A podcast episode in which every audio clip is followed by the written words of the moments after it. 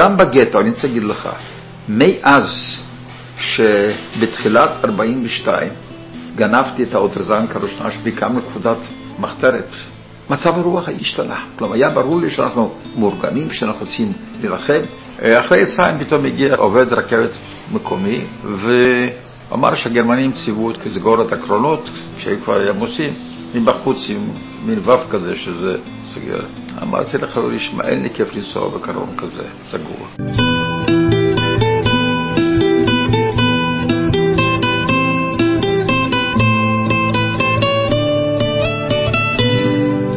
פגישה אישית עם עופר שמיר.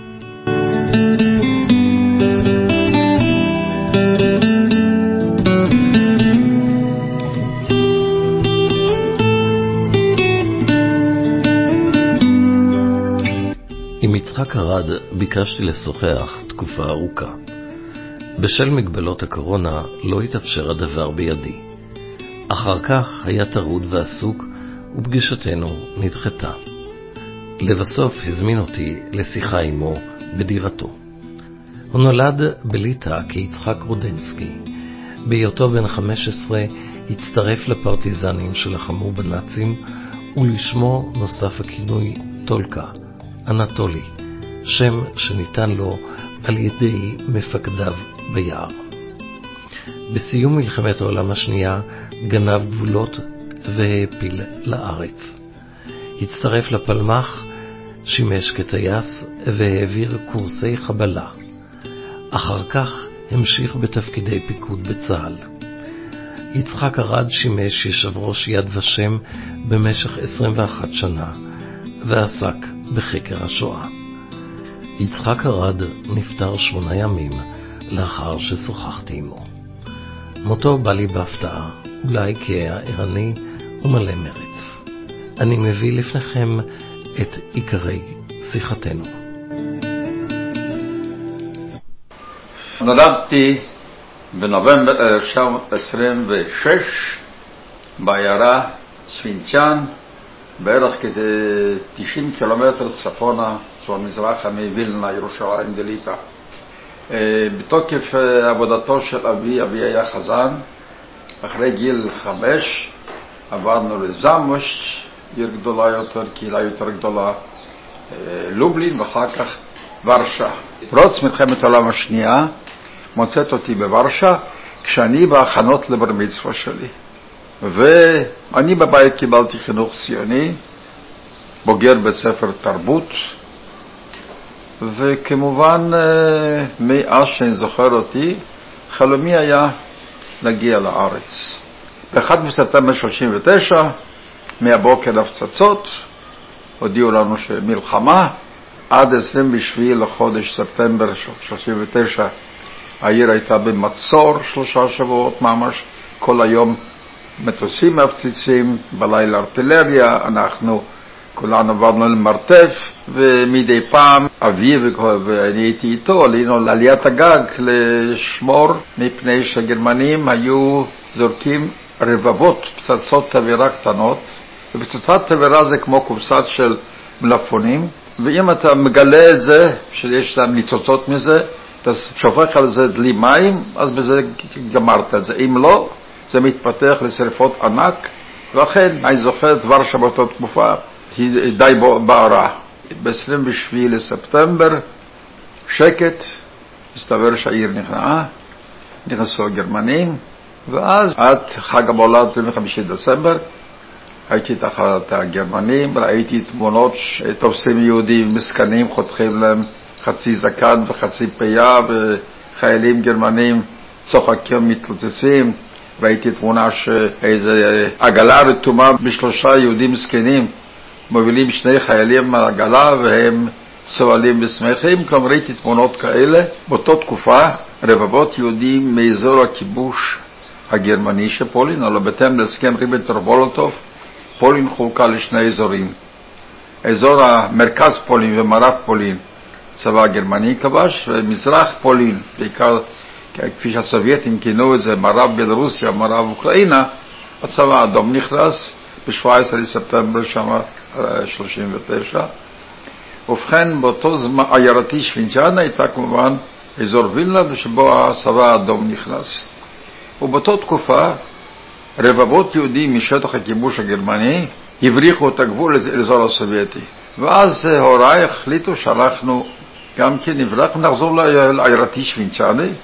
שם הייתה כל משפחתי, היו לי סבי וסבתות, ולאמי היו אחים ואחיות, ולהביא גם כאחיות, בני דודים, משפחה, משפחות יהודיות גדולות באותה תקופה היו. כל העיירה הייתה כ-8,000 תושבים, מתוכם 3,500 יהודים, ואחרים בכלל היו רוסים ובלרוסים, פולנים, ליטאים וגם טטרים, כמה עשרות משפחות מתקופת ג'ינגיס חאן שנשארו שם, ברוס סקאים היו.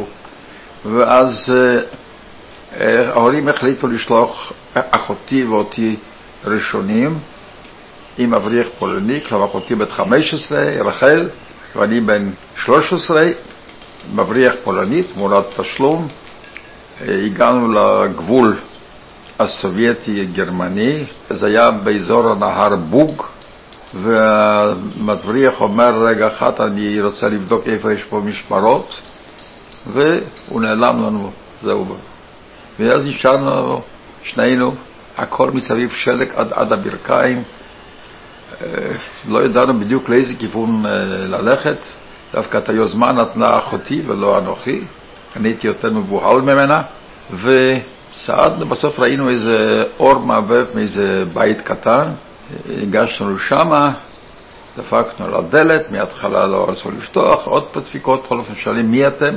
אמרנו אנחנו כמה אנשים שרוצים לדעת האם כבר אנחנו בצד הסובייטי או בצד הגרמני עדיין, לא ידענו בדיוק, כל שלג, והנהר בוק היה גם כמוקפא, ככה לא ידענו בכלל, ואז הוא אומר לנו, כאן כבר הבולשביקים, דהיינו הסובייטים. טוב, שמחנו כמובן, כעבור יומיים הגענו לשווינצ'אנה, התקבלנו בשמחה רבה על ידי משפחה. ההורים עמדו לעשות את אותו המהלך חודש אחרי זה, מסתבר שבינתיים בעקבות השלג ועקבות בשלג גם משמרות גרמניים והמשמרות סובייטיים ירו בבורחים, מבריחים את הגבול. ההוריי נתקעו בוורשה, וגורלם היה גורל יהודי ורשה. אינני יודע בדיוק, או שהובלו לטרבלינקה ביולי 42, או שבגטו, אני יודע, בוורשה מתו כ-80 אלף איש מרעב ומחלות, אולי הם היו בין אלה. אין לי, ניסיתי אחרי מלחמה איכשהו לחפש, לא מצאתי כלום. וכמובן עד היום אני לא יודע מה היה גורלם סופי. בכל אופן אני יודע שהם נספו בשואה. מדצמבר 39, משלהי דצמבר, עד 22 ביוני, שינצ'אן היה שלטון סובייטי, הלכתי בית ספר רוסי, אבל באותו זמן הייתה איזו התארגנה קבוצת צעירים, חברי חלוץ הצעיר דרור, היה לי דוד צעיר בן 18 סך הכל, היה חבר הקבוצה, ואז אני איכשהו הצטרפתי אליהם. הסובייטים סגרו את בית ספר התרבות שהיה בעיירה, והחרימו את כל הספרים ושמו אותם במרתף. אני זוכר באותה תקופה, אני ועוד שני חברים פלצנו אותו בלילה באותו מרתף, הוצאנו כמה ספרים, ואני זוכר שבאותה תקופה קראתי, אפשר להגיד, את הקלאסיקה הציונית של אברהם מפ ואהבת ציון, אשמת שומרון, וכמובן גם ספרים יותר חדשים כמו חניתה, הגודרים בצפון, זה היה של המאורות 36 כל התקופה, וכמובן אני, דבר אחד, החלום שלי עוד היה איכשהו להגיע לארץ ישראל. בכל אופן, ב-22 ביוני 41, מטוסים באוויר, לא ידענו מאיפה להאמין. ב-11 שמעתי את נאומו של שר החוץ הסובייטי, מולוטוב, שבו הוא מודיע ברמקולים, כלומר רדיואים לא היו, רמקולים היו בעיירה ברחובות, וגם בבית יכולת שיהיה לך רמקול, כשיכולת רק לשמוע מה שהם רצו שתשמע. ואז הוא מודיע, אזרחי ברית המועצות, גרמניה הפשיסטית תקפה אותנו למרות ההסכם איתם, ואנחנו שמענו על ההסכם והם הפרו אותה כמובן, זוכר את הדבריו ברוסית, наше дело правое, враг будет разбит, победа за нами. משמעות המילים, ענייננו צודק, נכה באויב, והניצחון יהיה שלנו. כעבור, אחרי הנאום הזה, כעבור יומיים, השלטון הסובייטי בלילה נעלם, מעיירה, דיברנו שהתחלנו לראות חיילים סובייטים במקום לנוע מערבה לכיוון הגבול, מזרחה כבר בנסיגה, ואז החלטנו קבוצת נערים, בני 15-16, אני הייתי בלי הורים, לא הייתי אחרי אף אחד, בכל אופן לברוח עם הצבא ניסוק לברית המועצות. כמובן הטנקים הגרמנים התקמו יותר מהר מהליכה הרגלית שלנו, שוב נשארתי תחת גרמנים, ובסוף ספטמבר 1941 הודיעו ליהודי העיירה שמובילים אותם לגטו. אותם ועוד היהודים מעיירות בסביבה, איפה יהיה הגטו? הגטו יהיה במחנה צבאי עזוב על יד העיירה ניישווינצ'ן. שווינצ'ן החליט היום, זה היום בליטא, זה היה ב-1941 של ספטמבר, חודשיים אחרי זה. אה, כשהודיעו על הובאת היהודים לגטאות, בינתיים אה, קרוב לשווינצ'נה, עיירה, התחיל הגבור של אזור הצבאי הגרמני בלרוסיה. כשגרמנים חילקו את זה לאזור ליטא, אזור בלרוסיה, אזור אוקראינה, אבל גם כשלטון גרמני, אבל שם עדיין לא היו גטאות.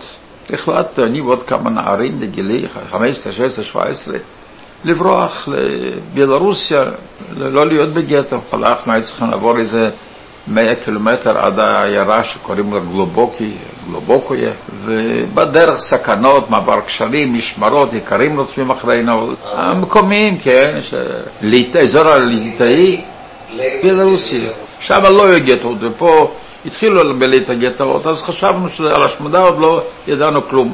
הגענו לגלובוק, כעבור שבועיים נודע לנו שאת כל היהודים שהעבירו כביכול לגטו, 8,000 איש, מהעיירה או מעיירות הסביבה, ירו בהם על יד בורות ירי בניישפינצ'אן. זה היה על יד, זה מקום שקוראים לו פוליגון. ובשפינצ'אן השאירו גטו קטן, שזה 400 נפשות, אנשים שהיו בעלי מלאכה של גרמנים והליטאים היו זקוקים להם. זאת אומרת, ליטאים, הממשל המקומי היה ליטאי. בעיקר חייטים, סדרים, חשמלאים, נפחים, מקצוע ש... לא היו מספיק בין הלא יהודים ואותם השאירו. ואז הייתה מין אמונה שבמקום שרצחו כבר את כל היהודים והשאירו גטו עם עובדים חיוניים, שם יותר בטוח מאשר במקומות אחרים. ואז כשבלרוסיה בסוף 41 התחילו להקים גטאות, אז החלטנו לברוח חזרה לנסות להגיע לשוויצריה, לאותו גטו שנחשב לי יותר בטוח. כשברחנו משוויצריה היינו חבורה של 12 אנשים. אבל בדרך התחלקנו לקוליות של שלושה איש, משראינו שאי אפשר, קבוצה גדולה כזה, בולטת מדי ועם כל הסכנות שבדרך. אה, כשחזרנו לשנשאר חזרנו איזה שלושה ארבעה איש. הסתננו לגטו, וכמובן אה, בגטו היינו בלתי חוקיים, כל האחרים שהשאירו, היה להם בני משפחה שרשומים, שאיפה הם עובדים. הסתבר שאחותי הייתה בגטו, מפני שאחד החייטים רשם אותה כבת שלו. היו לי גם איזשהו דודה שם, בכל אופן חלק, אבל רוב המשפחה נרצחה בפוליגון סוף ספטמבר, תחילת אוקטובר. אני זוכר את הלילות של חורף הקשה, 41-42, ישבנו חבורת נערים, שוב, גילים 15, 16, 17, אני הצעיר, ודיברנו בלילה בתוך הבתים הקטנטנים, מה עושים? ידענו שבאחד הימים גם ישמידו את היהודים האלה. ברגע שהגרמנים אולי יכינו בעלי מקצוע מקומיים במקום היהודים או סיבות אחרות, יהרגו, יחסלו את הגטו הזה גם כן. המסקנה הייתה צריך, צריכים להשיג נשק, לברוח ליערות ולפתוח מלחמת פרטיזנים. היו גם אז הגיעו אז שמועות שיש כבר ביערות פה ושם פרטיזנים סובייטים. האמת היא שעדיין פרטיזנים סובייטים באותה תקופה, סוף 41, תחילת 42, היו הרבה יותר מזרחה, יותר קרובים אה, לחזית, אבל אה, בכל אופן גם פה ושם שמענו על יותר קרוב. בכל החלטנו, אבל השאלה היא איפה להשיג נשק. ואז אפשר להגיד, המזל שיחק. באחד הימים נכנסו לתוך הגט הקטנצ'יק הזה, שכולו היה איזה 30-40 בתי עץ קטנים, מגודר עם גדר תיל, עם שער, על יד השער שמרו שוטרים ליטויים. השמירה שם הייתה לא להבריח מזון, שחלק מהיהודים עמדו מחוץ לגטו, בעלי מלאכה וכולי. ונכנסו כמה חיילים ותפסו אותי ועוד 11 יהודים. חשבתי, מובילים אותנו בטח לבית הקברות לראות בנו, היינו בלתי חוקיים. מסתבר שבאנו ליד בית הקברות, יצאנו ככה בקצה העיירה, היו שם מחסנים גדולים מעץ, הכניסו אותנו פנימה, המחסנים מלאים עם נשק שלל סובייטי. רובים, מקלעים, תחמושת, הכל מפוזר. חלקו אותנו לקבוצה לכמה צריפים האלה, והתחלנו לעבוד, חייל גרמני שומר עלינו. בתוך ערימת הנשק מצאתי רובה של פרשים, רובה יותר קצר, עם קנה קצוץ ועם כת קצוץ. כלומר משהו בגודל של בערך 30-40 סנטימטר. קראו לזה דבר כזה, כזה ברוסית קראו לזה אטרזנקה. מאיפה אטרזנקה? עיקר שהיה מוצא רובה, מה היה עושה עם הרובה גדול? היה קוצץ את זה, מאשר לו כמו איזה אקדח, ואז יכול להיות, ב... זה הולכים לבילויים, משתכרים, אפשר לראות באוויר, זה... מצאתי דבר כזה, ברגע שחייל גרמני יצא החוצה לעשן, דחפתי את זה מתחת לחולצה. ולוחץ מלמעלה ולוחץ מלמטה, ואני מתחיל לחשוב מה יהיה, מה, אם בסוף היום יחפשו אצלנו, זה יורים בי ובכל החבורה, זה לא היה שום ספק. אה, חוץ מזה, במשך היום במגפיים הצלחתי לדחוף כמה כדורים, ובסוף היום מותנים עם כל הצפים, הם מעמידים אותם בשורה, חשבתי זה הסוף. לא, לא חיפשו. מובילים אותם בחזרה לגטו, שני חיילים מלווים אותנו. בשער עמדו שוטרים מתאים, חיפשו אם לא מבריחים מזון. כל הדרך יחפשו לא יחפשו, אם יחפשו, מוות. המזל שלנו היה שחייל גרמני, חיילים שליוו אותנו, לא שחררו אותנו לפני השער, אלא הכניסו דרך השער. ליטאים ראו שחיילים גרמנים מובילים אותנו, לא חיפשו, ואמרו לנו, מחר בשש בבוקר אתם מתייצבים לעבודה פה. הבעיה הייתה איפה להסתיר את רובי קצוץ קנה. בבית מלא, בבית שהייתי, היו איזה עשרים נפשות, ובית קטן וכל זה.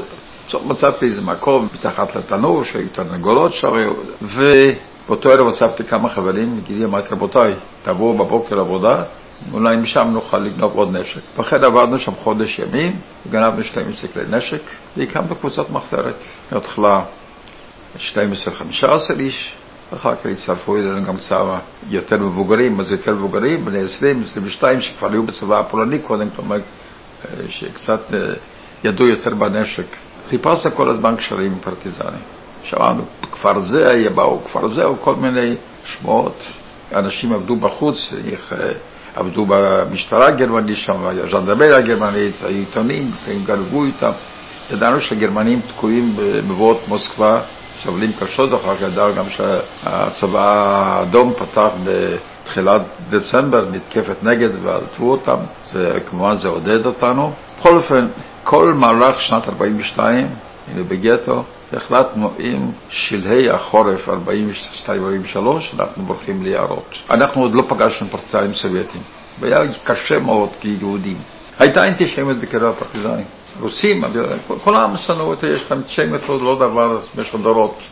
התעמולה הגרמנית שהגיעה עוד חזקה, המקומים שהצטרפו לפרטיזנים, כבר ספגו את חלק מהתעמולה הגרמנית.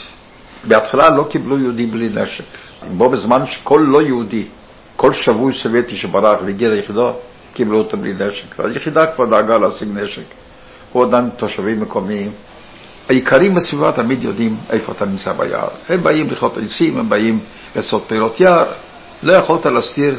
והיינו יער שקוראים לו יער הודוצ'ישקי, איזה 25 קילומטר משוויציאני. ואתה בא לכפר לקחת אוכל. עם נשק, מצד שני הגרמנים איימו עליהם, אם לא תודיעו על פרטיזנים ביערות, אנחנו נשרוף את בתים שלכם וכולי, כלומר, אנטישמיות מצד אחד, שכבר מצד שני האיום הגרמני, כי יחידה יהודית היה קשה מאוד ביער להתקיים. יכולתי להתקיים ביער אם ישנם פרטיזנים לא יהודים, כסובייטים, שמוכנים לקבל אותך לשורותיהם. מפני שאם אין לך שיתוף פעולה של חלק לפחות מהאוכלוסייה המקומית, אתה לא יכול להחזיק מעמד. שאם אתה בא לכפר, או מישהו בימי ביער מעלה את המחנה שלך ורץ מיד להודיע, אז אתה יכול פעם אחת להתחמק, פעם שנייה להתחמק, פעם שלישית אתה עולה, כשאתה חוזר מהכפר עם אוכל על מערב או מרדף וכולי, זהו. באותה תקופה גם הגיעה הידיעה שמחסלים את גטו של צ'אלה ומעבירים את כל היהודים מהגטו לווילנה ולקובנה. מתי זה בערך יהיה? תחילת אפריל 43. אנחנו היינו ביער כבר. וכמובן, אותי בעיירה כבר היו אז קרוב לאלפיים איש, מה שהעבירו קצת יהודים מכמה גטות קטנים בלרוסיה הביאו לגטו של שווינצ'רנה. והגרמנים אמרו שתאמינו שאתם עוברים לגטו וילנה וקובנה, כל העברה תעשה על ידי משטרה יהודית. יבואו שוטרים יהודים מגטו וילנה, אנחנו נעמיד בתחנת הרכבת בנאי שווינצ'אן רכבת, מכונות מסע, הם יחלקו, ימיסו, חלק מהקרונות יועדו לגטו וילנה וחלק מהקרונות לגטו קובנה. הגיעו שם 15 שוטרים יהודים לחנות בזה. אנחנו מהיער היינו מדי פעם באים אה, לגטו לבקר הורים, לאחרים, אני לא היו, ולאחרים היו, ואיכשהו בין ה-15 שוטרים, למעלה ממחציתם היו חברי ארגון המחתרת בגטו וילנה, ה-FPO, פאראייניקטע פארטיזאנער ארגאניזאציע, שהיה בו יצחק ויטנברג, אבא קובנר ועוד כמה אנשים. כן. משטרה זה משטרה ויודנרט זה יודנרט. המשטרה הייתה כפופה ליודנרט. אבל זה לא היודנרט, זה היה גוף אה, נפרד.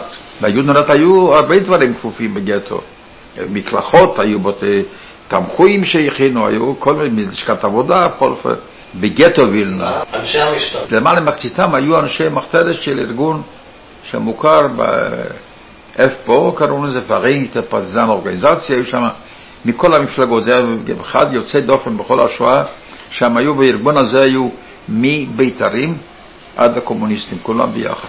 בכלל זו, בגטו ורשה היו קבוצות מחולקות מגטות אחרים, פה היה הכל מאוחד, נוצר קשר בינינו, בין החברים שלנו, והם הציעו לנו, ואז השוטרים האלה הציעו לנו, תשמעו, תבואו לגטו וילנה, אנחנו בגטו וילנה מכינים אה, מרד. תוך כדי המרד ננסה לפרוץ ליערות. זו האידיאולוגיה של המחתרת בגטו וילנה. אנחנו אמרנו להם, רבותיי, במקום זה תוציאו את האנשים שלכם ליער, מרד בין כה מרד יום, יומיים, שבוע, אבל ביער אפשר להתקיים חודשים ואפשר גם להילחם באופן רציני יותר. אמרו לנו שהם לא יכולים להחליט הם, ששני בחורים שלנו ייסעו איתם לווילנה. איך ייסעו? באותו משלוח של אלפיים יהודים שייצאו מתחנת הבשיצ'נה, שנגיע לשם, נהיה בקרונות שמובילים לווילנה, ושם בווילנה הם יפגישו אותנו עם המחתרת. סוכם משום מה שאני ועוד בחור אחד שיקה גרטמן, שאנחנו ניסע. העברה משוויצ'ן הייתה ברביעי באפריל 43. הגענו לתחנת הרכבת בני שוויצ'ן, שנינו יום אביבי בהיר, יפה. יהודים מגיעים משוויצ'ן, 12 קילומטר ליד תחנת הרכבת בני שוויצ'ן, קרבת המקום שהיה פולגון שרצחו את היהודים שנתיים קודם, ומגיעים רגלית, זקנים וחולים, עגלות עיקרים שגייסו למטרה הזו, והשוטרים היהודים מחלקים אותם לפי הקרונות מלווילנה, מלקובנה, ואף גרמני עוסק בזה, אף ליטאי, הכל משנה יהודית. יצאנו קשר עם השוטרים היהודים, תיכנסו לאחד הקרונות של וילנה, ושם אנחנו נפגיש אתכם מנהלי המחתרת. איזה קרונות זה היו? הכל בקר, הכל קרונות בקר, כמובן. אחרי יצאים פתאום הגיע עובד רכבת מקומי, היה להם פרסים דויטשה לאורך זמן רכבות גרמניה, ואמר שהגרמנים ציוו לסגור את הקרונות, שהיו כבר עמוסים, מבחוץ עם מין וו כזה שזה סוגר. אמרתי לחברי, שמע, אין לי כיף לנסוע בקרון כזה, סגור. אז ניגשנו לשוטרים האלה של הארגון, אמרנו, אומרים, הקרון הראשון הוא יהיה פתוח בשביל זה קרון שלנו, של השוטרים. תיכנסו לשם.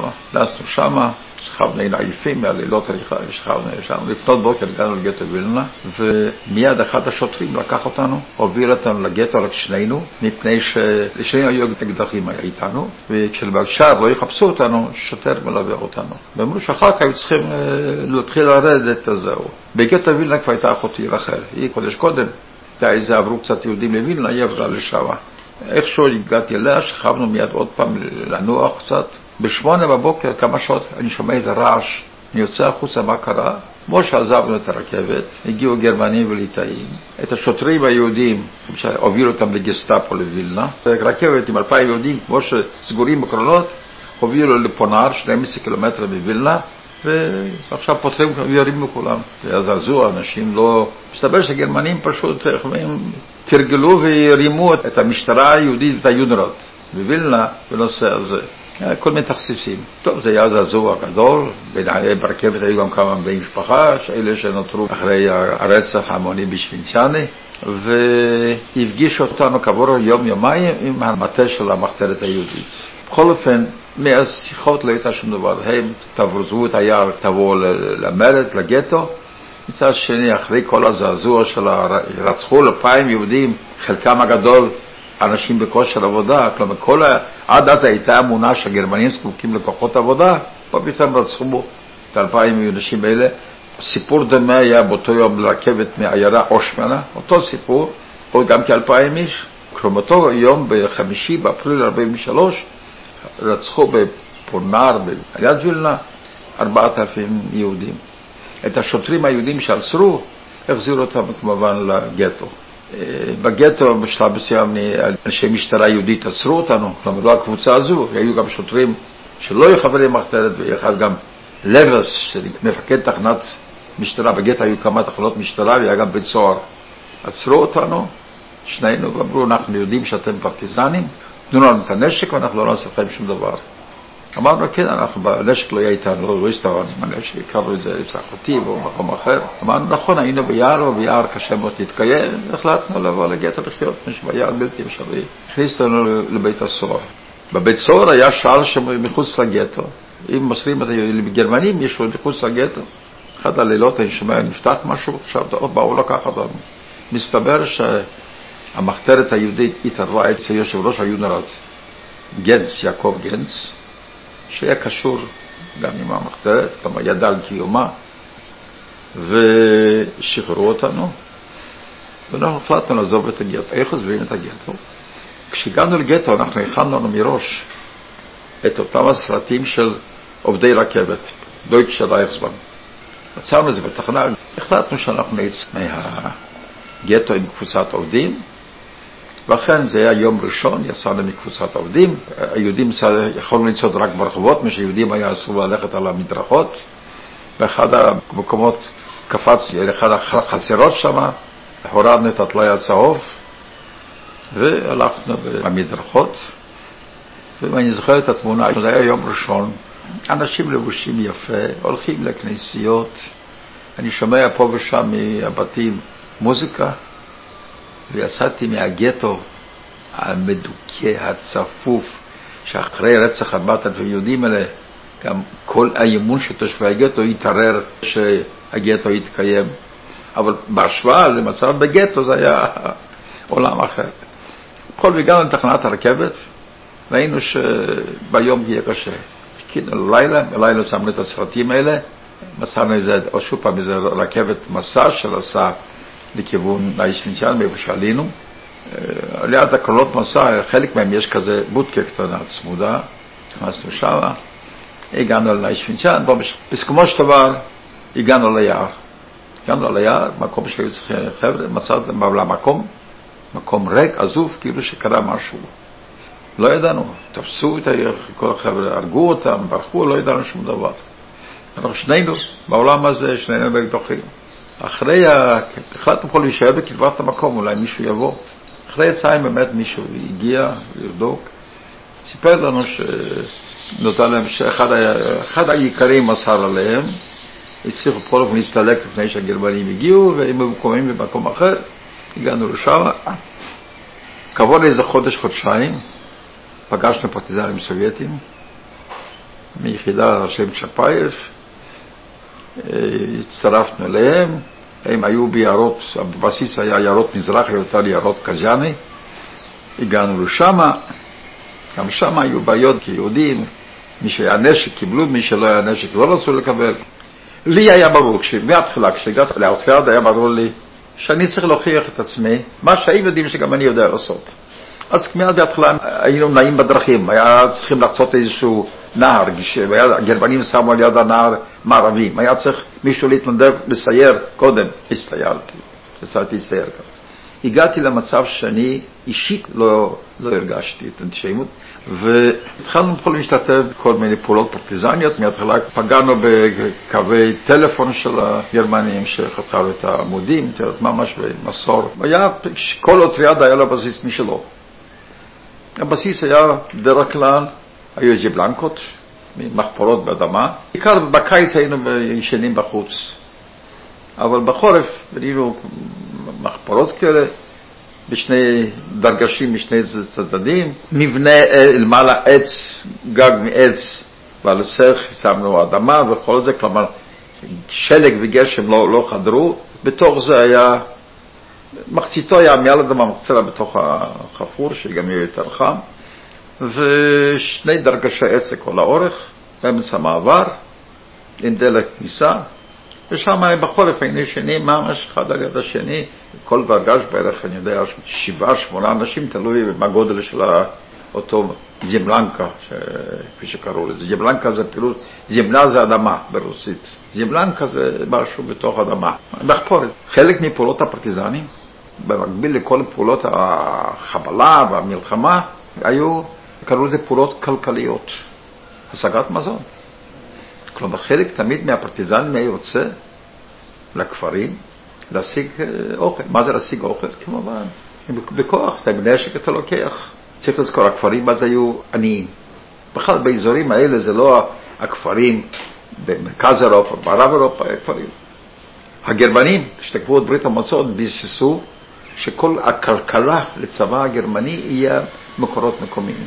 כלומר, בכפרים האלה הגרמנים לקחו מה שאפשר היה, הפרטיזנים לקחו את מה שעדיין הצליחו העיקרים להסתיר מהגרמנים. אנחנו כבר חיפשנו דברים יותר עוינים. כבר באזורים שפעלנו, הכפרים הליטאים היו עוינים, לעומת הכפרים הרוסים, הבלרוסים היו יותר ידידותיים, וגם חלק מהצעירים שם, כשהיה צו לקח אותם לגרמניה לעבודות, חלקם ברחו לפרטיזנים, ואז כבר, ההורים היו בכפר והבנים בפרטיזנים, אבל אנחנו השתדלנו תמיד לקחת מהכפרים הרחוקים הליטאים. הגרמנים צידו את הכפרים האלה בנשק, וכל פעולה הייתה לעיתים קרובות תנובה, בירי כמובן. היה מקרה באחד הכפרים שמהאוטריאט שלי, באותו 50 איש, שלושה פרטיזנים נהרגו, אז uh, החלטנו להעניש את הכפר, יצאנו 15 אנשים, ספרנו כמה בתים שם, צרפנו. לא הייתה בעיה, בשגגות הבתים היו מעץ, מספיק שלקחת את כיוון הרוח, בית אחד אז הולך כל השורה. ככה זה היה דרך אספקה.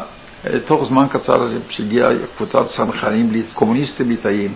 הליטאים שיתפו פעולה עם הגרמנים, היו קצת, אה, קבוצה קטנה של ליטאים שברחו ב-41 לברית המועצות, שם ארגנו אותם והצניחו אותם חזרה, להתחיל לארגן פעילות אנטי-גרמנית בליטא. בכל אופן היה כבר 43, היה אחרי מפלת גרמנים בסטלינגרד, גם האמונה של הליטאים התחילה כבר להתערער בניצחון גרמניה. הסיפור, כשהם הגיעו, אני הייתי בדיוק בשמירה באיזה קרחת יער שהיו צריכים להגיע, אמרו לי שצריכים להגיע קבוצה של פרטיזנים ליטאים, הגיעו, עצרתי אותם ואמרתי שבעוד שעה באים להחליף אותי, שיחכו ואז אני אקח אותם לבסיס. תוך כדי השיחות איתם, אז אמרתי שאני שווינצ'אנה, שזה ליטא, וכשהיינו בגטה וילנה, במחתרת שלנו, יצאנו איזשהו קשר עם איזה עיתונאי ליטאי שהסתבר שהוא ועוד כמה ליטאים היו חבורה קומוניסטים, מחתרתיים. סיפרתם לזה, זה היה בשבילם, הם רצו להוכיח שישנם בליטא, לא רק שמשתפים פעולה, היו גם קצת אה, קומוניסטים, בודדים אמנם. ואז כשהגענו לאוטריאד של צ'פאייב, כעבור שעתיים קורא לי מפקד האוטריאד, קראו לו סידיאקין, כל האוטריאד היה גודל של 50-60 איש. קבוצת פרטיזנים. השם שלה היה, אוטריאד פרטיזני, יחידת פרטיזנים, על שם צ'פאייב. צ'פאייב היה גיבור... אה, מהפכה הקומוניסטית. אז אה, קורא לי מפקד אומר, שמע, אתה רוצה לעבור אליהם? אמרתי, אני פרטיזן פשוט, מה שתגידו, אני אעשה. אתה עובר לליטאים, לקבוצה הזו. כמו שעברתי אליהם, אז קודם כל, היה להם נשק עודף. חמישה עשר איש היו, הביאו איתם נשק אה, עודף. קיבלתי תת מקלע פפשה, שזה היה ביחידת הצ'פאייב, היה רק למפקד היחידה, סידיאקין היה רובה אוטומטי כזה של פפשה. זה כבר העמיד אותי במצב בולט. טוב, אני הייתי ביחידה הזו, עסקנו בעיקר במיקוש רכבות. הגרמנים ביססו את האספקה לצבא הגרמני בחזית על מסילות הברזל. כל מערכת האספקה ופינוי היה מסילות ברזל. הכבישים בברית המועצות משובשים, ביערות פרצו פרטיזנים, כך שהם גם התרכזו ברכבות האלה, באבטחת הרכבות. כל כמה קילומטרים היה להם עמדה ושיעורים הלכו לאורך המסילות.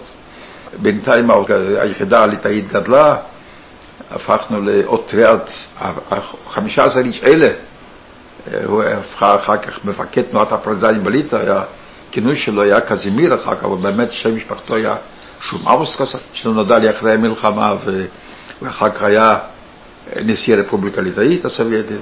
בעוז כזה. היינו יוצאים אז מהיער חמישה אנשים, עם שני מטעני חומר נפץ, TNT, 12 קילו, והיינו שבועיים, שלושה לבד. הולכים למסילת הברזל עם מטען. מטען אחד היינו מסתירים בדרך איפשהו. ביום היינו שוהים ביערות, בלילה הולכים, מתקרבים. ומה אכלתם? היינו לוקחים לפנות ערב, היינו נכנסים, אחרי שביום ביד נכנסנו לאיזה חווה בודדת, היו המון חוות בודדיות, שם, אמרנו לכל להכינו לנו אוכל כשהיינו שם, וגם לקחנו איתנו. במשך הזמן גם נוצרו לנו קשרים עם חלק מהאיכרים בחוות האלה, בעיקר זה באיכרים לא ליטאים, אלא איכרים רוסיים או בלרוסיים, ואז היינו כבר באים אליהם כבר כאורחים טובים. וודקה היו מעמידים וכל זה, והיינו בימים שמה, אה, אבל לא בכל מקומות היו זה, אז היינו שוהים ביערות. בחורף כמובן השתדלנו יותר במשך היום למצוא איזו חווה בודדת, שביער כל היום נשכב זה לא טוב, לא נוח מאוד. חיפשנו גם למשך היום איזו חווה בודדת בקרבת היער. היינו מגיעים למסירת הברזל חמישה אנשים, הקבוצה, החוליה הזו שהיו עושים חמישה אנשים, אחד יפתח לימין, אחד משמאל, אחד נשאר לעורף, ושניים, זה מקרים כאלה אני ומפקד החוליה שהוא היה מוכר, אה, מתקרבים למסילה, בין שני ידי רכבת חופרים, ושמים את המטען, ועל זה שמים מוקש נעל. מוקש נעל ממש צמוד לפסי רכבת. כשרכבת עוברת על הפסים, מילימטר אחד, רואים שאת הפסים קצת מתכופפים, אפשר לראות את זה. אז בלחץ מפעילים את מוקש נעל ומפיצוץ. במשך הזמן הגרמנים התחכמו, היו דוחפים לפני הקטר קרון רכבת עם חול, שהפיצוץ יהיה תחת זה. אה, אנחנו בדרך כלל מנסים לבחור מקום שיש, שהרכבת עוברת באיזה מקום גבוה יותר, עם סיבוב, שהפיצוץ, קרונות יתגלגלו במדרון קצת. אה, הם גם כי התחכמו, במקומות המסוכנים היו מאיטים את התנועה, מפני שאחד העוצמה היה כשהם נוסעים מהר ויש פיצוץ, אז יותר קרונות יודעים. בכל אופן, כל הזמן היה מין מלחמת מורות, אז היינו לפעמים שמים מוקש עם פיצוץ חשמלי, כל מיני דברים. אני בזמן המלחמה הזו, עד יולי 1944, השתתפתי במיקוש 16 רכבות של גרמנים. קיבלתי עוד במלחמה, עוד הצטיינות פרטיזן, מלחמת הפטריוטית הגדולה, דרגה ראשונה, זו הדרגה הכי גבוהה של המדליה הזו. במשך הזמן הלא פרטיזנים השתלטו על אזורים פרטיזנים שלמים עם עשרות כפרים בתוך זה, אז בשלבים יותר מאוחר, אה, כשהיו לנו כפרים כבר באזור, היינו באים לבסיס, היו, אנחנו קיבלנו אז, קיבלנו הצלחה. מגיעים אלינו מטוסים, היו מצליחים לנו אספקה במצלחים, גם נשק וחומרי חבלה. היינו מקבלים מהמפקד מהיחידה שלנו חצי מצנח, הולכים לכפר, זה היה כבר באזור אגב נרוץ', היה האזור הכי גדול של פולין, נרוץ', באזור פעלנו שם אז, וכמובן עיקר כזה, דייגים היו מוציאים מהחוטים, עושים רשתות. אה, היינו יושבים אצל עיקר בחצי מסך, שבוע שלם, מעין בית הבראה, שותים, אוכלים כל זה. חוזרים לבסיס, עוד פעם לפעולה. מדי פעם היו מצודים גרמנים. גרמנים ריכזו כוחות גדולים ועשו מצוד ביער. כפרטיזנים יכולנו אז לנקוט בשלוש פעולות. יצא לי פעם אחת להיות מחוץ ליער בפעולה, אז לא, לא נתקלתי באותו מצוד. הגרמנים היו מקיפים את היער, מצד אחד שמים מערכת מערבים, ומצד שני היו סורקים ממש חייל חמישה מטר אחד מהשני. כפרטיזנים לא היה לנו שום כוח ושום עניין להיכנס לקרבות עם כוחות סדירים, קרבות פנים פנים. מקרה כזה, אם המודיעין שלנו גילה שהולך להיות מצות, ולקראת מצות הגרמנים ריכזו לפעמים יערות ענקים של אלפי קילומטרים רבועים, והיו כבר אלפי פרטיזנים ביערות האלה, ריכזו לפעמים כמה עשרות אלפי חיילים, חיילים, גדודי משטרה וכולי, וכמובן המודיעין היה מגלה את זה, היינו מנסים, לפני שהיער מוקף, לעזוב את היער ולעבור ליער אחר. הגרמנים לא יוכלו באותו זמן כל היערות. אזור יערות אחר, 20-30 קילומטר מזרחה או צפונה וכו'. אבל לפעמים לא הספקנו לדעת על זה. נשארנו ביער שהיער מוקף, אז היו שתי אפשרויות. אפשרות אחת, בלילה, זה לקח כמה ימים מספר, הקוף הזה, בלילה היו שמים ערבים סביב היער, לפרוץ באחד המקומות שהיו מערבים, עם כל האוטריאט, אולי תוך הפריצה היו דרגים אחד, שניים, שלושה אנשים, והיינו מסתכלים יערות אחרים. לפעמים שיטה אחרת הייתה להתפצל לחוליות קטנות של עד חמישה אנשים, לקבוע שניפגש איפשהו ביער או ליד כפר מסוים, 30-40 קילומטר מזרחה או צפונה, או... והחוליות כאלה צריכים להסתנן, לא לתקוף את המוצבים, אלא להסתנן דרכם. זה היה שיטת הפעולות הפרטיזנים. כל פעם היו קורבנות כמובן. הקורבנות העיקריים בזמן המצודים גרמנים היו ביערות מחנות פה ושם, מחנות משפחה של יהודים. אתה רואה, מחנה ידוע של טוביה ביאלסקי וליערות מליבוקי, זורין ליערות ליבוקי. כמובן בזמן הצור הם היו פחות ניידים, אפילו אם, אם ידעו שמתקרב זהו. ביוני הגיע הצבא האדום לאזור שלנו, התחברנו עם הצבא האדום, פירקו את היחידות הפרטיזנים. היה אצלנו גם אנשים ביחידה שהיו חיילים בצבא האדום, נפלו בשבי הגרמני, ברחו והצטרפו לפרטיזנים. אותם מיד שלחו לעיר ליחידות לחזית. הליטאים שבינינו מיד דפקו לשלטון, קומיסר עממי של כל הרפובליקה, שמבסקס היה זהו, אחרים, המזכיר המחוזי של המפלגה, כל זה. מה עושים עם איתנו מקומיים? בבלרוסיה ישרו אותה גם כן לצבא, אבל פה בליטא הייתה מצב שרבבות ליטאים ששיתפו פעולה עם הגרמנים ולא הספיקו לסגת, פתחו ליערות ופתחו במלחמת פרטיזנים נגד הצבא האדום. חלק גם מראש הגרמנים ארגנו לפני הנסיגה, אז הם איתנו הקימו יחידה להילחם נגדם, נגד הליטאים, כי למעשה התחלפנו במקומות, הם ביער, קודם היינו אנחנו ביער והם בעיר, התחלפנו במקומות. אנחנו היינו חלק מכוחות הפנים, ואני כל הזמן חלמתי לברך, היה ברור לי שהמלחמה תגמר, אני אגיע לארץ. גם בפרטיזנים וגם פה היה לי ברור. ואז כשברלין נפלה בסוף אפריל 45, החלטתי שאת חובתי למולדת הסובייטית סיימתי, הסתרתי את המדים ואת הנשק וברחתי. קודם כל עכשיו רציתי להגיע לפולין. פולין, פולין הייתה אז לא כל לגמרי קומוניסטית, היה עדיין התארגנות ציונית שם גלויה. הגעתי ללודג', מצאתי לוורשל כמה ימים, אולי במקרה משהו מההורים, שום דבר. כעבור כמה זמן יצאתי בדרכי הבריחה עם תעודות מזויפות מפולין לסלובקיה, מסלובקיה עברנו להונגריה, בודפסט, שהייתה ארוסה כולה, מהונגריה עברנו באוסטריה לגרץ, שהיה כבר אזור כיבוש בריטי. שם כבר פצענו שליח ישראלי, ושיכנו אותנו באיזשהו מבנה שם, לא, זה לא היה אבל ממש. והיינו צריכים להגיע לאיטליה, ידענו שמאיטליה צריכות להפליג ספינות מעפילים לארץ, ובאיטליה היו כבר אז החיילים הישראלים והבריגדה. הקימו שוב אה, מחנה לעקורים, שם פגשתי את החברים הפרטיזנים. טוב, שם התחלנו להתארגן, ודיברתי עברית דיברתי הכל, רצו שאני אשאר לעבוד בבריחה, זה מבצע הבריחה. אמרתי, לא רוצה לשמוע, אני רוצה להגיע לארץ. וב-15 דצמבר 45 אני הפלגנו ספינת המעפילים חנה סנש, ובליל חג המורות 45 נחתנו בחוף נהריה. נבחרה במיוחד ליל חג המורד, כשידענו שהבריטים אולי היו שטויים ולא כך ישמרו. הספינה נתקעה בחוף, ראיתי ששום דבר, הפלמ"ח היה צריך לחכות לנו, מסתבר שבגלל הסופה שהייתה בה, הספינה באה קילומטר וחצי לא במקום שחיכו לנו. עליתי לסיפור איך שבספינה הייתה ממש, כשהיא נתקעה בחוף, הייתה ממש בזווית כזו. ראיתי ממש שאני רואה 10-15 מטר, כביש חיפה נהריה, מכוניות נוסעות, רק קרוב. ראיתי פתאום אחד קפץ למים, באתי לקפוץ אחריו, התכסיתי מים, שני צעדים, אני בחוף, יצאתי, כולי רטוף, וכעבור כמה דקות הגיעו אנשי פלמ"ח שזיהו את העסק, הגיעו לשם. טוב, אז התחילה ההורדה מסודרת יותר. אני יודע שגם בתוך ההורדה שתי בחורות, גם כן ניצולות שואה, טבעו. ובאותו לילה הביאו אותנו לקיבוץ, נדמה לי, רמת יוחנן, או כפר מכבי, יש שם הגוש הזה. אחר כך למחרת הביאו את קבוצת הפרטיזנים ביגור. ביגור, להבדיל מעולים חדשים אחרים, התקבלתי יוצא מהכלל טוב. דיברתי עברית, פרטיזן, גם נראיתי לא נורא לגמרי. ואני מקווה שהתקבלתי, אבל היה שם חבורה דרכה חלוצים, שאנשים היו משוויצ'ני שהגיעו לפני, בשנות ה-20, 30 הגיעו, הם קיבלו אותי במיוחד בצורה חמה.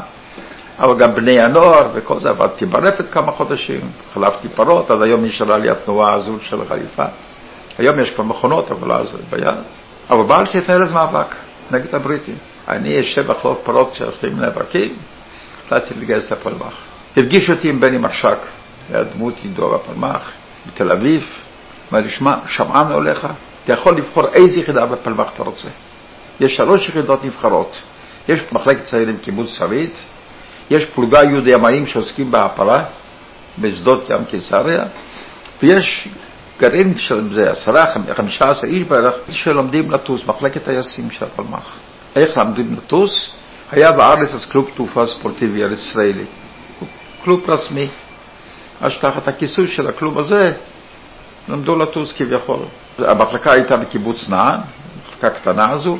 המטוסים היו אז ברמלה, קרוב לנען, בשדה במחנה בריטי, היום אחר כך יש להם פיקוד מרכז וכולי. והיה שם שדה לא, לא סלול, אבל אפשר, מטוסים נחתו. והיינו שם באים וטסים. אני בחרתי מחלקת הטיס, אמרתי, פלוגה י' לא רציתי לשמוע, לא רציתי לחזור לאירופה, רציתי בהפלה, רציתי שלמדתי לטוס. במקביל לזה עסקתי בהדרכה בקורסי קציני חבלה של הפלמ"ח. ממש בנובמבר 47' הדרכתי בקורס קציני חבלה בוואדי בדרום בין דורות לרוחמה, וב-29 בנובמבר לפנות בוקר, אוטובוס עם כל החניכים, אני הייתי מפקד הקורס, ואנחנו מגיעים לראשון, רואים אנשים רוקדים ברחובות, שאלנו מה קרה, אתם לא יודעים, באו"ם הוחלט על הקמת מדינת ישראל. קודם דיברנו שניתן לאנשי הקורס, שבאו ממחלקות שונות של הפלמ"ח, מכפר גלעדי ועד לרביבים בדרום, שניתן להם כמה ימים חופשה ואחר כך לנסוע. ביטלתי את החופשות, אמרתי כל אחד חוזר. אני הגעתי לנען, בנען הסתבר שיומיים הם העבירו את המחלקת הטייסים ליגור, ואת המטוסים בשדה תעופה בחיפה. אני מיד אספתי, הגעתי לחיפה, אחר כך העבירו את המטוסים בשדה דוב, משם יצא לי לטוס לגוש עציון, יצא לי לטוס לשיירת נבי דניאל, הגיעה ידיעה לתל אביב שהשיירה נתקעה שם, לעזור להם.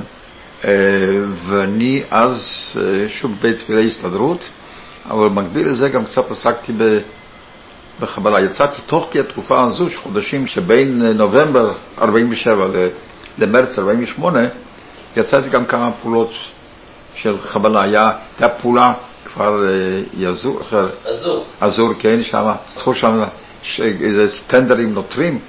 יצאנו פעולת תגמול ואני יצאתי, פיצצתי את בית המוכתר שם, יצאתי לי פעולה תוך, תוך כדי קרב, בסלמה, מישהו מסלמה ירו על, על שכונת התקווה, כל זה פעולות שהתנדבתי במקביל לטיס. מה עשית בסלמה? פיצצתי כמה בתים, תחת אש, כן, היה לנו אז חומר נפץ שדית, לא היה לנו TNT בהתחלה, היה לנו שדית. שדית זה היה תוצרת הארץ מחומרים של מים המלח, משהו, אם, אם כדור פגע זה ניתן היום להתפוצץ, כלומר, הכנו אז, לפני שיצאתי, הכנו, היה מלוני גז קטנים, בלי, הוצאנו את הגז, שמו חומר נפץ בפנים, ופתיל השעיה. פתיל שכל שנייה זה סנטימטר, עשרה נדמה לי שנה, במטוס אתה מדליק את הפתיל השעיה וזורק. לא ידענו איפה זה נופל, אם, אם זה נופל אה, מתפוצץ באוויר או בקרקע, בכל אופן, זה לא היה שום משמעות לזה. שאחר כך הבריטים התערבו, הוציאו את האנשים ואת כל המכוניות השאירו בידי הבריטים, כן, כל העסק הזה. לגוש עציון לא, לא נחתנו, אבל זרקנו חבילות עם, קצת תחמושת וקצת כל מיני תרופות ודברים כאלה. כמו טסו תמיד שני טייסים, במרבית המקרים טייס מהצבא הבריטי שהיה יותר שעות. במרץ הודיעו לנו, סודי סודות, מציעים את צ'כיה לקבל את המסר שמיטים. עברנו אז בדיקות רפואיות והסתבר שאני עיוור צבעים בגוונים שונים של אדום. בחיי יום יום אני לא מרגיש את זה. תבוא, מקימים מטה חיל אוויר, תהיה במטה, אמרתי. אני לא הולך להיות, במלחמה מתנהלת איך מטה. חזרתי לפלמ"ח, וערב מבצע נחשון חזרתי. ונחשון הייתה גדוד בפיקודו של חיים לסקוב שפעל בכיוון חולדה, וגדוד הרביעי פגע מכיוון ירושלים, גדוד הרביעי של פלמ"ח. אני התמלאתי קצין חבלה בגדודו של לסקוב, היה שם פלוגת פלמ"ח, פלוגת חיש, היה שם גשר מעל נחל שורק, פיצצתי את הגשר, ואז הוקמה חטיבת פלמ"ח הראל. בתוכה גדוד החמישי, אני התמלאתי קצין החבלה של גדוד החמישי, ובשיירה הגדולה בערב פסח 48 עלינו לירושלים, נדפקנו בדרך קשות. אני נסעתי עם טנדר של שדית, חומר נפץ, טנדר שכל כדור יכול לפוצץ את כל הטנדר, לא היה נשאר ממני חתיכות לנשארים. זה כביש שיצר, מספיק שמכונית אחת נדפקת, הכל עומד, אתה לא יכול, מכונית שנייה לפעמים מנסה לעבור בצד, מתהפכת, ומאחורית עומדים לך לפעמים 100 כלי רכב, לא לזוז אחורה, לא קדימה, זה כל נושא השיירות. הגעתי איכשהו לתוך שער הגיא, רגלית, כל מיני מכוניות עומדות איכשהו יורים מסביב כל הזמן. שם פגשתי אחד, מי שהיה מפקד פלוגה, הפלמ"ח ינקל סטוצקי, הכל עומד, מכוניות וערבים משני הצדדים, ואתה לא רואה עצים מסביב יורים. החיילים שלי, החבלנים, היו מפוזרים לאורך משאיות. אספתי סביבי איזה עשרה מהם, ויאנקל סטוצקי, המפה אסף עוד איזה עשרה משעות הפלמ"חניקים. הוא עלה לצד הצפוני, כשהערבים לא ידעו בכביש, ששחטו את הנהגים לפחות. אני על הצד הימני, כיוון מעל החאן שם, כלומר קצת יותר בין החאן ובין משאבת המים, כמשאבת המים. היה כתוב שם ברור ג'מילי, ירדתי אחר כך לכביש, פתאום ראיתי שמשאית אחת מתחילה לזוז, איכשהו נשקפתי על הכנף, והקבינה הייתה משוריינת, וכדרים פק פק פק ואני שוכב על הכנף. איכשהו באותו זמן גדוד ערבי יצא מכיוון קריית ענבים לעזור לשיירה, נתקלתי בהם, ולקראת הערב הגעתי עם אנשי גדוד החמישי שגם כשהצליחו לעבור, הגענו לירושלים, התמקמנו בבית הכרם, היה שם סמינר למורות. כעבור כמה יומיים שלושה יצאנו להתקפה על שועפאט, יצאתי עם החבלנים, פיצצנו כמה בתים, באותו זמן גם גדוד ערבי תקף נבי, נבי סמואל, לא הצליח, אז אנחנו נאלצנו לצאת לסגת. ב-15 למאי, אז קאוג'י הגיע מהצפון לרמאללה, וירה עלינו בתותחים, והחזקנו אותה כמה משלטים מעל תחנת הדלק עכשיו בשער הגיא. למטה. למטה, למטה, ושם הכניסה לשער הגיא אנחנו החזקנו משלטים משם ומזרחה יותר. לטרון הייתה בידי הירדנים. בכל אופן, שם גם באמצע אבגסו וזה, שגן, שמענו הודעה על מ"ק 20 שהוקמה מדינת ישראל, תל אביב, בן גוריון, צעקנו. כן, אחר כך פלמ"ח, יש, כלומר, סך הכל היה לי עשור, אפשר להגיד, מ-39, פרוס המלחמה, עד 49. הייתי עד לשני האירועים המרכזיים ביותר בתולדות העם היהודי באלפיים שנים האחרונות, השואה והקמת מדינת ישראל. בשני האירועים האלה הייתי עד ופעיל, שניהם. יצחק ארד המשיך לאחר קום המדינה בתפקידי פיקוד בצה"ל. בשנת 1972 התמנה ליושב ראש יד ושם ושימש בתפקיד זה עד שנת 1993. יצחק ארד עסק בחקר השואה ובמחקרים היסטוריים. תחביבו היה גילוף בעץ. הוא גילף תמונות מהעשור המשמעותי בחייו, של השנים 1939 ועד 1949. הכוללים תמונות של בני משפחתו שנספו בשואה. השיחה הוקלטה ב-28 באפריל 2021, שמונה ימים לפני פטירתו של יצחק ארד. יהי זכרו ברוך. פגישה